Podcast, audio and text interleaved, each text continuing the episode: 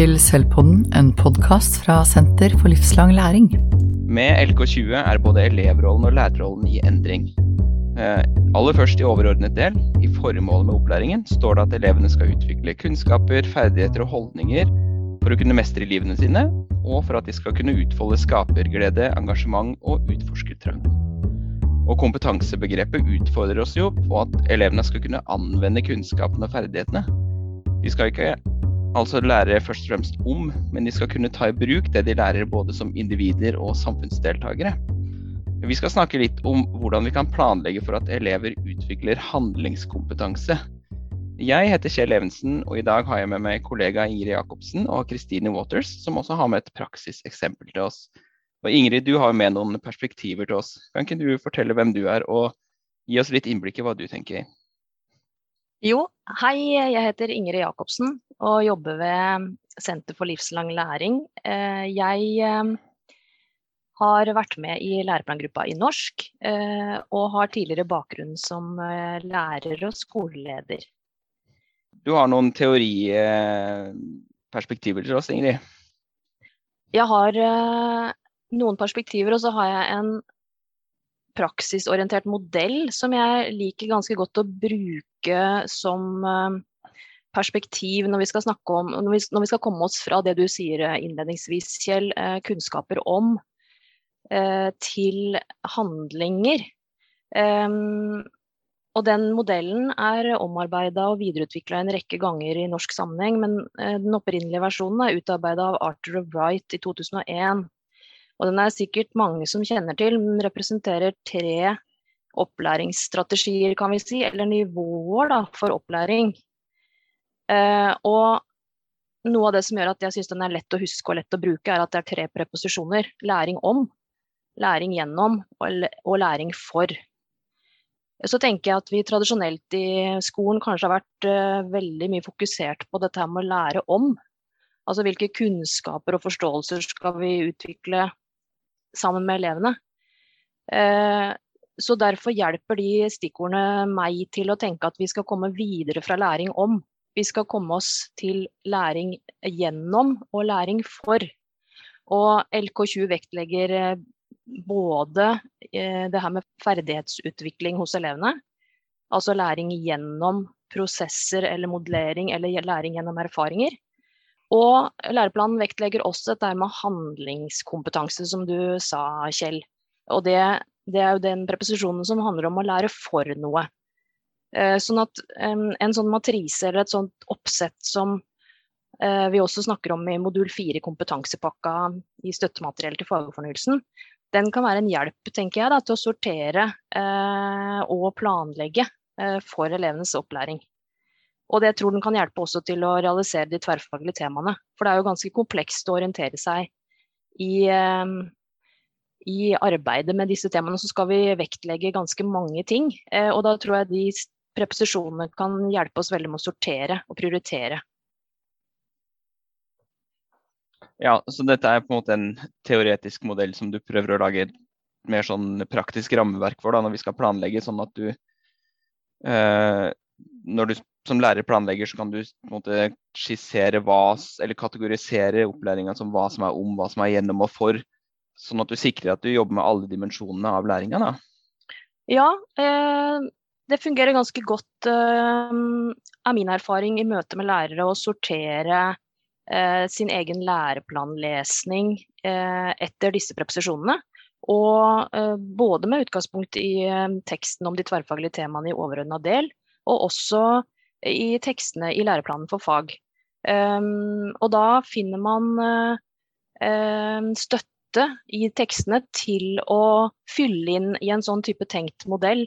Uh, og da kan det være utgangspunkt for gode refleksjoner og drøftinger i en planleggingsfase. Uh, og det medfører også i hvert fall sånn som jeg tenker det, gode koblinger mot dybdelæringsbegrepet og kompetansebegrepet. Eh, dette her med at vi skal ta oss nok tid sammen med elevene til å komme i dybden, og til, å, til at elevene får tid til å reflektere over egen læring. Eh, og reflektere over hvordan de kan handle på bakgrunn av det som de har jobba med i det aktuelle temaet. Ja, og det jeg tenker er viktig, er jo på en måte at elever faktisk får oppleve da, at de, de, lærer gjennom aktivitetene de gjør, da, og at skolen kanskje noen ganger legger litt lite til rette for den aktiviteten som elevene lærer gjennom. Uh, og som du sa, Ingrid, at det blir kanskje noe Det blir mye læring om. Uh, og det er kanskje det som kan bli vurdert òg, men det er jo egentlig ikke det læreplanen spør oss så mye om lenger nå. Det spør om at elevene skal, eller etterspør at elevene skal kunne gjøre mer. da. Uh, og Da kan vi ta oss et del, lite praksiseksempel. Da. da har vi med deg Kristine. Kan ikke du fortelle hvem du er og hva du jobber med? Og så vil vi gjerne høre eksempelet ditt. Ja, hei. Jeg heter Kristine Waters, og jeg er uh, assisterende rektor på en ungdomsskole. Og så satt jeg i læreplangruppa for samfunnsfag eh, grunnskole. Um, det praksiseksempelet som jeg har med i dag, det er noe vi første gang på min skole gjennomførte våren 2019, eh, og som vi deretter egentlig har kjørt eh, i flere runder. Og mm, det er basert på at elevene um, ikke bare skal lære om, men at de også lærer gjennom å få erfaringer med ting. Så vi hadde jobba med bærekraftig utvikling over tid, altså om bærekraftig utvikling. Og så var vi så heldige å ha besøk av Karen O'Brien, som er klimaforsker på Universitetet i Oslo. Um, og hun snakket om en uh, Sea Challenge. Og det er en 30 dagers uh, utfordring hvor uh, hvem som helst egentlig kan utfordre seg selv med å gjøre én endring i sitt liv i mer bærekraftig retning. Så elevene fikk i oppdrag, det var da en åttendetrinnsgjeng, de fikk i oppdrag å velge seg ut én endring i sin hverdag i mer bærekraftig retning. Og elevene valgte alt fra å gå og sykle til skolen istedenfor å bli kjørt, til å ikke bruke plastikk eller eh, dusje kortere, eh, spise mer plantebasert. Ja, det var stor variasjon i hva elevene valgte seg. Og så fulgte vi den endringen over 30 dager. Og 30 dager det er jo ikke tilfeldig valgt, det handler om hvor lang tid det faktisk tar å endre en vane. Og hvilke utfordringer man møter på underveis i den prosessen. For første uke er det egentlig ganske greit å gjøre noe annerledes. Det er greit å gå til skolen, eller det er greit å ikke bruke plastikkposer på butikken. Og så møter man litt motstand i sin egen vilje, og så gjør man seg noen erfaringer basert på det. Og det som var så fint, var at elevene delte de erfaringene med hverandre. Vi brukte Padlet, så de skulle legge inn bilder, de skulle beskrive litt hva de følte, hva de gjorde, om det var noe som utfordra dem. Og så snakket vi om det i fellesskapet. Og det vi så, var at eh, den oppsummeringen som elevene hadde for hverandre, gjerne ble til ekstrautfordringer for de andre. Så selv om eh, elevene hadde valgt seg én utfordring, så tok de på seg flere ting etter hvert som eh, den 30-dagersperioden skred fremover. Eh, de Plutselig så kasta man ikke skorpa på brødet, man lagde krutonger. Eller man spurte medelever om Men hvorfor ble du egentlig kjørt i dag? Sånne små ting, men som gjorde at de var veldig motivert til å gjennomføre endringen. De syntes det var gøy å følge med på hverandres utfordringer. Og så var lærerne med. Så lærerne kjente òg på de um, erfaringene som elevene gjorde seg. Og det er jo òg veldig gøy når man da går på nærbutikken, og så hører man litt sånn frustrerte foreldre som bare Ja, men hvor er egentlig vegetarmaten? Ungen min har sånn prosjekt på skolen. Eh, noe som igjen fører til at man stiller spørsmål til butikken. Da. Hvor er vegetarmaten? Hvis man skal ha noe erstatning for kjøtt. Og så er man i gang. Så får det ringvirkninger, og så ser elevene at eh, det får ringvirkninger. Ja, og den ringvirkningen det merka jeg litt sjøl av. For jeg møtte jo deg eh, midt i den der perioden der, og da var vi jo på en lunsj. Mm -hmm. på kolt, en type koldtbordlunsj. Og da dro du fram en gammel papptallerken fra veska di, fordi du skulle ikke bruke noe av eh, det de hadde der. Du, for du hadde en tallerken du brukte den måneden, tror jeg. Så, og, det, ja, og det gjorde jo at jeg liksom jeg ble litt inspirert til å prøve med mine egne elever å lage noe tilsvarende. Så det var jo ringvirkninger der òg. Men uh, tror du din rolle som lærer der hadde noen viktig påvirkning, egentlig? Det er vanskelig å si, men jeg delte i hvert fall um, frustrasjonen uh, sammen med elevene. Fordi mitt utgangsprosjekt det var at jeg skulle gå til jobb. Uh, jeg var midt inne i en sånn levere, hente barn-opplegg. Så jeg trodde jeg måtte kjøre til jobb for å rekke jobben. Så jeg begynte å gå. Eh, fordi det var en elev som sa til meg men Kristin, du kan bare stå opp 15 minutter før. OK, jeg står opp 15 minutter før. Og så begynte elevene med sine 'jeg skal ikke ha med plastpose på butikken'. Nei vel, det klarer jeg da. Uh, og så var det det her med hvis du først har vært så lur da, at du har tatt en uh, papptallerken. Det er jo ikke en engangstallerken. Den kan brukes flere ganger. Og dermed så ender man plutselig med å sitte på lunsj og dra fram sin egen tallerken. Og det hadde jo en ringvirkning fra jeg hadde møtt noen før som nekta å sende sin tallerken på koldtbord tilbake fordi at man skal ta en ny ved hver servering. Og bare hvorfor i alle dager det? Så grunnen til at jeg plutselig satt med den papptallerkenen, var jo både at elevene hadde utfordra meg på fryktelig mye rart, og at det hadde ringvirkninger fra andre som gjorde det. Og jeg tror at det å stå i det sammen med elevene og kjenne på at det faktisk er litt utfordrende, og så dele den erfaringen og snakke om erfaringen, og snakke om ja, hva kan vi gjøre da, eh, når vi opplever at det er utfordrende. Sånn som hvorfor er paprikaen pakka inn i plast? Eh, hva gjør vi med det? Hva kan vi gjøre? At vi fikk alle de fine diskusjonene òg, og at vi deretter gikk ut og prøvde å endre igjen.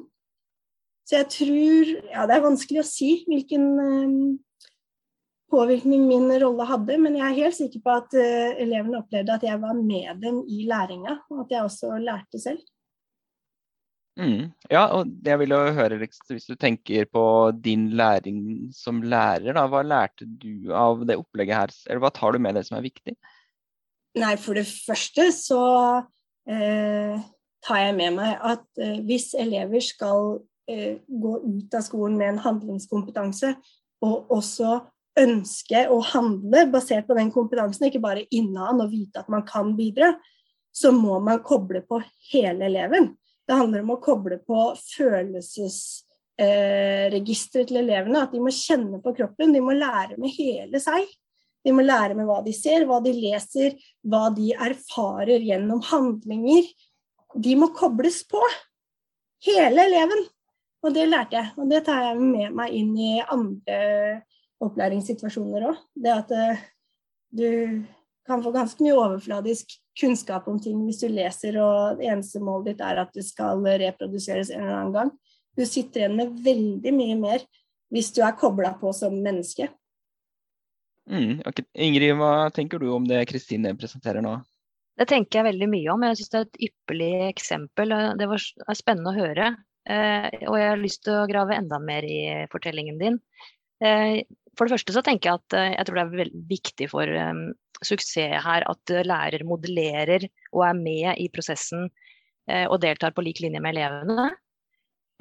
Når du sier at du var med og delte og reflekterte og snakker om erfaringen din, så, så, tror jeg det er en viktig rolle du har overfor elevene.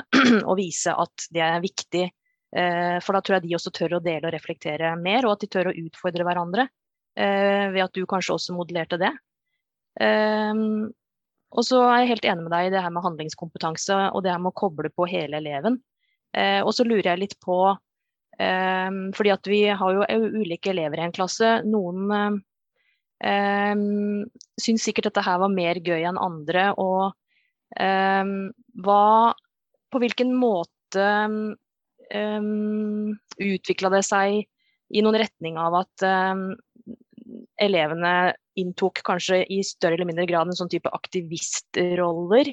Eh, altså gikk veldig fort fram og syntes dette var eh, gøy og utfordrende. Og syntes at eh, på hvilken måte kunne dere hjelpe dem å styre dialogen, sånn at de ikke blir ufine mot, mot hverandre? da? For jeg regner med at det kanskje noen ikke syns dette her var like spennende som andre. men allikevel så skal de, eh, noe av hensikten med de tverrfaglige temaene er også å oppleve at de skal stå i meningsbrytning, de skal argumentere, de skal reflektere sammen. Men de skal eh, være saklige og hyggelige mot hverandre. Eh, dere, kan du si noe mer om hvordan denne dialogen mellom elevene foregikk? Ja, det, det var ikke noe utfordrende med at de var ufine med hverandre, eller Nei, det, det var det er ikke et tema. Det er første gang jeg har fått spørsmål, det er første gang jeg har uh, tenkt over det. Så lite var det et tema. Eh, men som du var inne på, man ser jo at elevene kobler seg på i ulik grad. Eh, og mange tok det jo helt ut og tok flere prosjekter og dokumenterte ivrig og ja, var med, da. Og igjen engasjerte seg i livet utenfor skolen òg knytta til mye av det samme. Eh, og så har du de som gjorde dokumentasjonen utelukkende fordi at det var et krav fra skolens side. Og jeg tenker at det, det må det jo òg være rom for.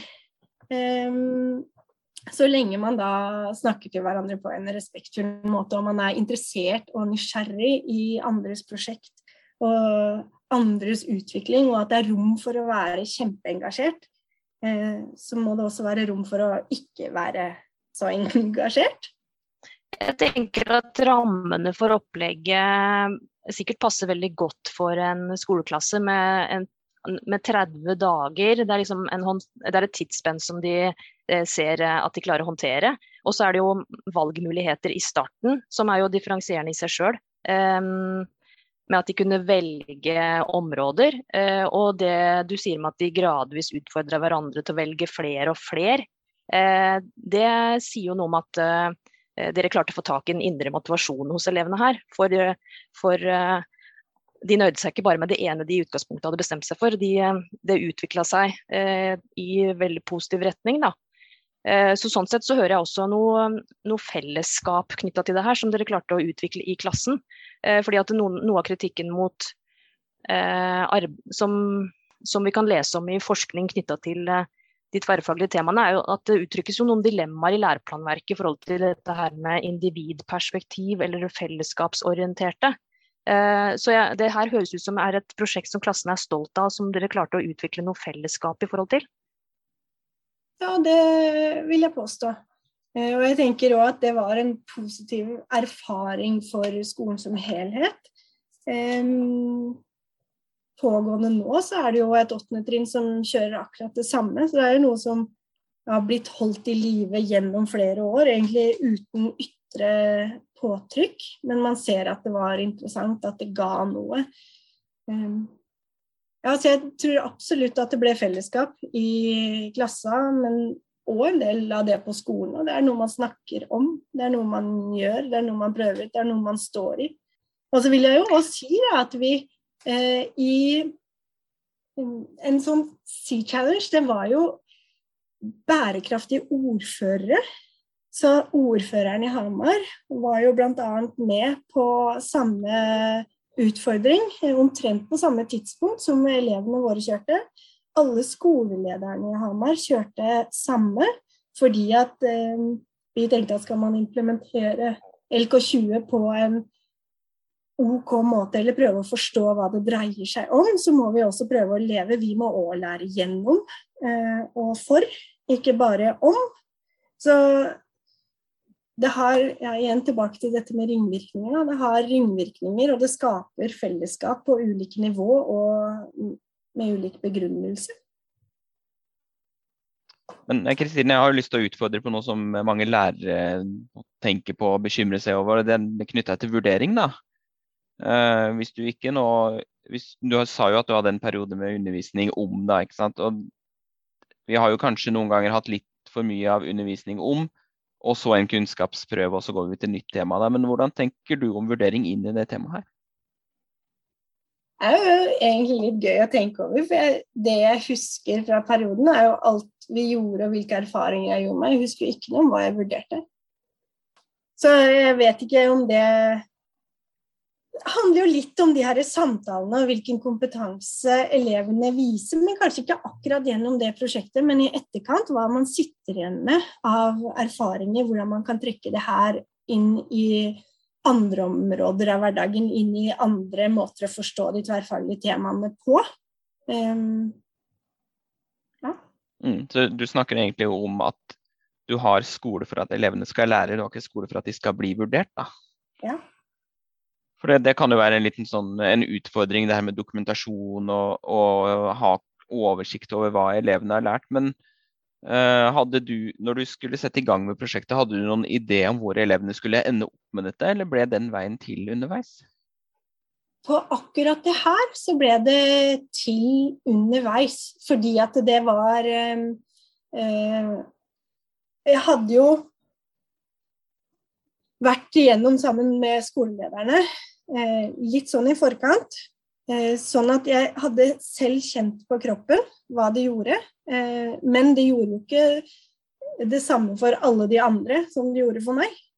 Og med den forståelsen så tenkte man nå at elevene vil sitte igjen med veldig ulikt. Men det er viktig å erfare og skjønne og forstå at man kan være med å påvirke av denne handlingskompetansen.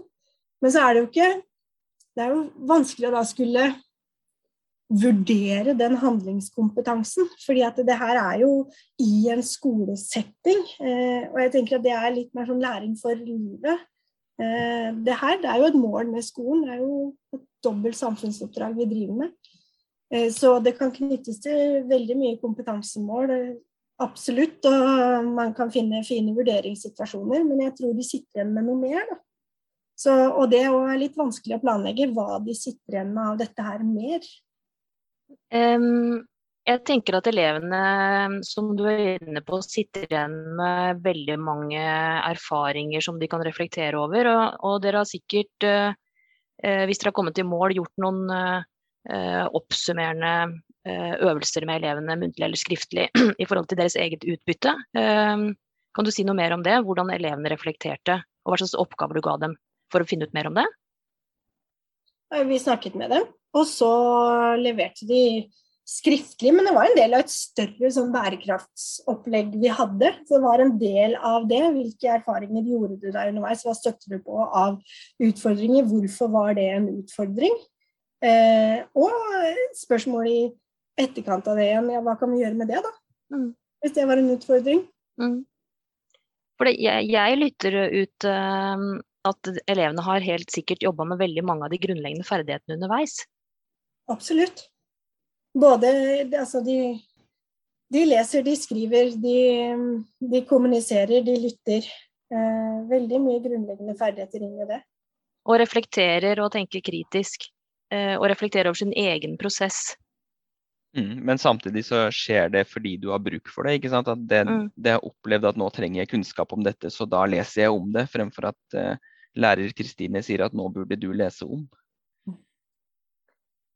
Jeg tror også mange lyttere lurer på hvordan du organiserte det, Kristine. Um, det var helt sikkert knytta til naturfag, men uh, var det kun i, type, i det faget eller um, et annet fag som dette eksperimentet var uh, liksom opplæring av de 30 dagene, eller, eller, hva gjorde dere? Kan du si noe mer konkret om det for å få gjennomført det?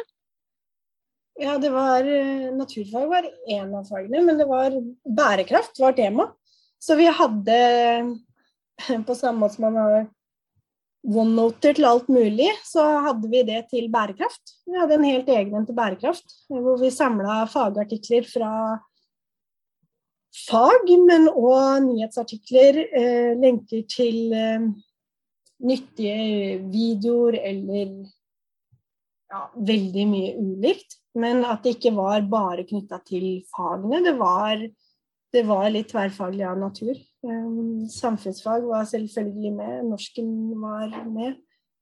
Så det var um, Vi hadde mye parallelle prosesser. Det var bærekraft som var det overordna temaet. Fagene jobba med sine små ting inn i det her litt større prosjektet. Og så på akkurat den 30 dagers utfordringen så dokumenterte de det via Padlet, men de la òg alt av prosjektene sine egentlig inn i den her eh, OneNote-varianten. da. Mm, ja, det høres jo ut som det er ganske stort potensial for å gjøre det til et tverrfaglig arbeid, da, der det er naturlig på en måte at elever da uh, må finne informasjon på engelsk hvis de har behov for det. på en måte, men, mm. Men det er ikke dermed sagt at absolutt alle elever må gjøre det på engelsk. Sant? Det, er, det er på en måte tverrfaglighet samtidig som du har elevtilpasning. da. Mm. Og man kobla på fag der det var naturlig på fagets premisser. Mm. Og det her var jo det, det, her var jo våren 2019 vi kjørte det første gangen, og LK20 kom tross alt høsten 2020. Så det var jo basert på kjerneelementer og hva vi trodde eh, skulle komme. Så det var jo i en utprøvingsfase. Det høres spennende ut. Jeg har lyst til å spørre deg eh, om eh, det her er et eksempel på et arbeid som starter med å lese kjerneelementer og legge dem ved siden av hverandre. Eh, altså Dere starter med på en måte toppen av læreplanen, da. starter med omfageteksten. Mm -hmm. eh, og lager opplegget på bakgrunn av det. Og, og så sjekker dere heller ut kompetansemålen til slutt. Eh, for et annet alternativ som vi kanskje er mer vant til, det er jo å starte med kompetansemålene når vi planlegger den type opplegg. Kan du si noe mer om hvordan dere eh, hva dere gjør når dere starter en sånn planleggingsprosess? Ja, det her var jo det var jo litt overgangstid. Vi hadde jo overordna del som var kommet, som snakket om de tverrfaglige temaene og elevenes rolle i ny læreplan. Kjerneelementene var på plass. Eh, kompetansemål hadde vært på høring, men var ikke fastsatt. Eh, så det var jo litt basert på at vi vet bærekraftig utvikling skal være et tverrfaglig tema vi skal jobbe med fremover. Hvordan kan vi tenke tverrfaglig? Og så vil jeg si at den ene naturfagslæreren som òg var på det trinnet, er veldig opptatt av tverrfaglighet. På veldig mange måter flink til å se sammenhenger og gjør det helt naturlig. Eh, trekker det inn i prosessen, og som da tvinger oss andre til å koble på våre fag der vi tenker det er naturlig, eh, med utgangspunkt i hvor vi vil hen. Men det er jo da mm. ikke det er jo da ikke de nye kompetansemålene, det er jo basert på overordna del og hva vi trodde skulle være viktig i årene som går.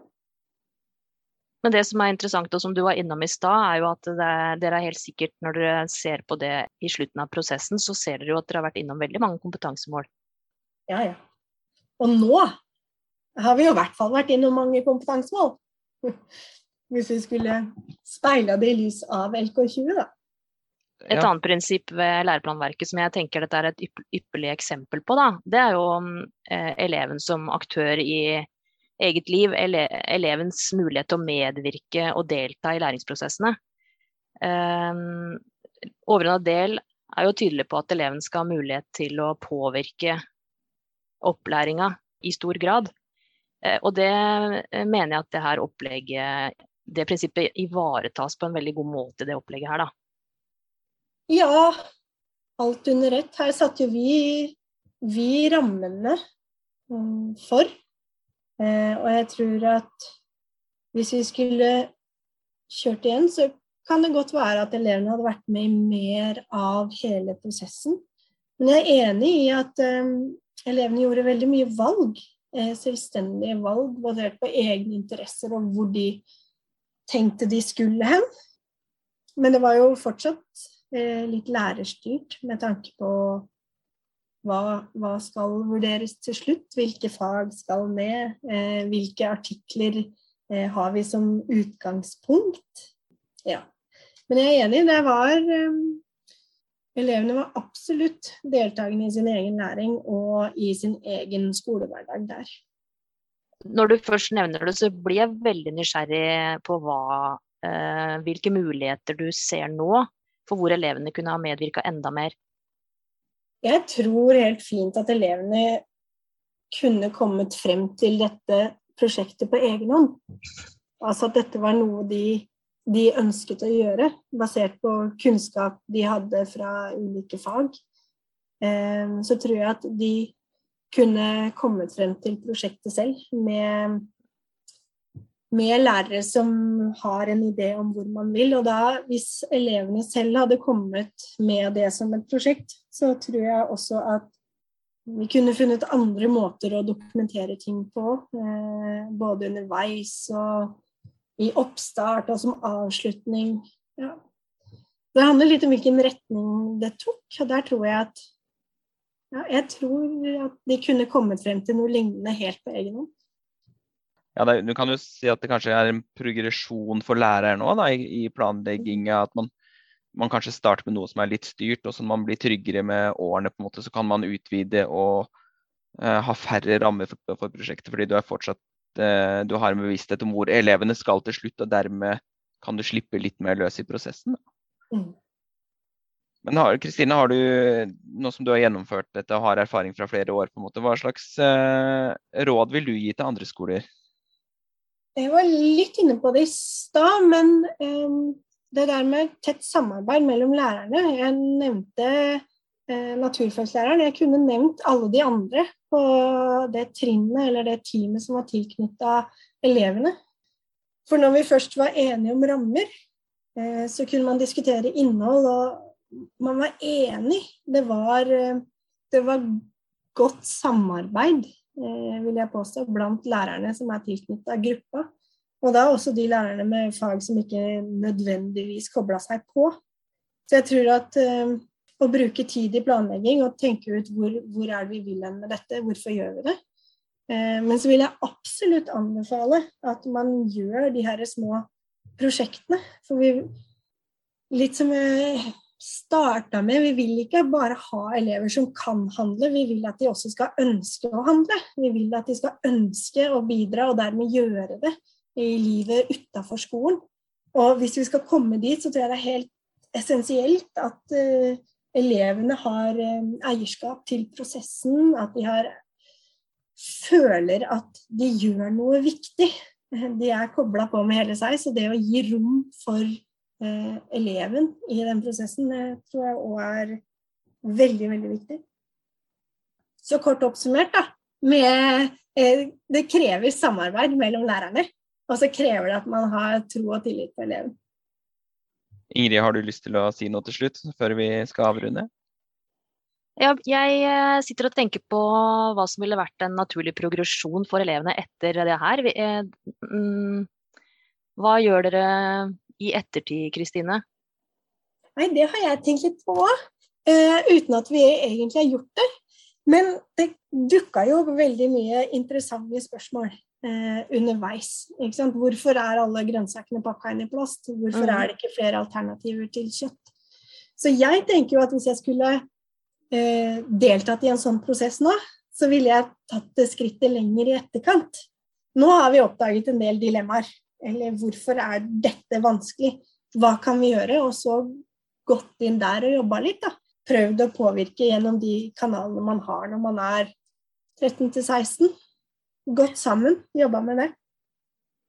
Og det er jo veldig spennende å høre at du sier det, for noe av utgangspunktet for arbeidet med å realisere de tverrfaglige temaene er jo nettopp at Eh, hvis elevene eier problemstillingene eller eh, kommer med forslag til dilemmaer som de har lyst til å utforske, eh, så tror jeg det er lettere å få det godt til fordi at elevene er naturlig motivert for å undersøke ting. Da. Men det kan hende vi har kjørt oss litt fast i en tradisjon der det er lærerne som stiller spørsmål og eier kunnskapen og har en mer formidlerrolle enn det du forteller at har vært lærerens rolle i det prosjektet her. Det tror jeg. Og så tror jeg òg at vi har fått tre tverrfaglige temaer med LK20. Men det å også gjøre elevene i stand til å se at det å ta bærekraftige valg, det handler òg om å være en aktiv medborger. Eh, og det kan også handle om å mestre ditt eget liv. Sånn at vi klarer å se helheten og egentlig hvorfor vi har skole. Da. Vi skal lære fag, men vi skal jo også fungere i et samfunn etter at vi har gått ut av akkurat den skolen. Og med tanke på det perspektivet ditt, så har vi de tre tverrfaglige temaene mye mer til felles enn de er ulike. Veldig. Ja, så Det er veldig spennende å høre om prosjektet ditt, eh, Kristine. Og vi ser jo at det er utviklingspotensial her for å jobbe stadig videre og jobbe dypere og på elevenes premisser. da. Og vi tror jo at det er et stort potensial for å lage enda mer sånn elevaktiv eh, undervisning og utvikle enda mer av den der handlingskompetansen hos elevene, da, som gjør at du både blir en aktør her og nå, men også blir en aktør i livet ditt eh, når du er ferdig på skolen. Da. Så Kristine, jeg vil gjerne si tusen takk til deg for at du delte erfaringene dine med oss, og takk til deg, Ingrid, for at du var med på refleksjonen rundt eh, de store temaene. Takk det samme, det var inspirerende å snakke med dere. I like måte.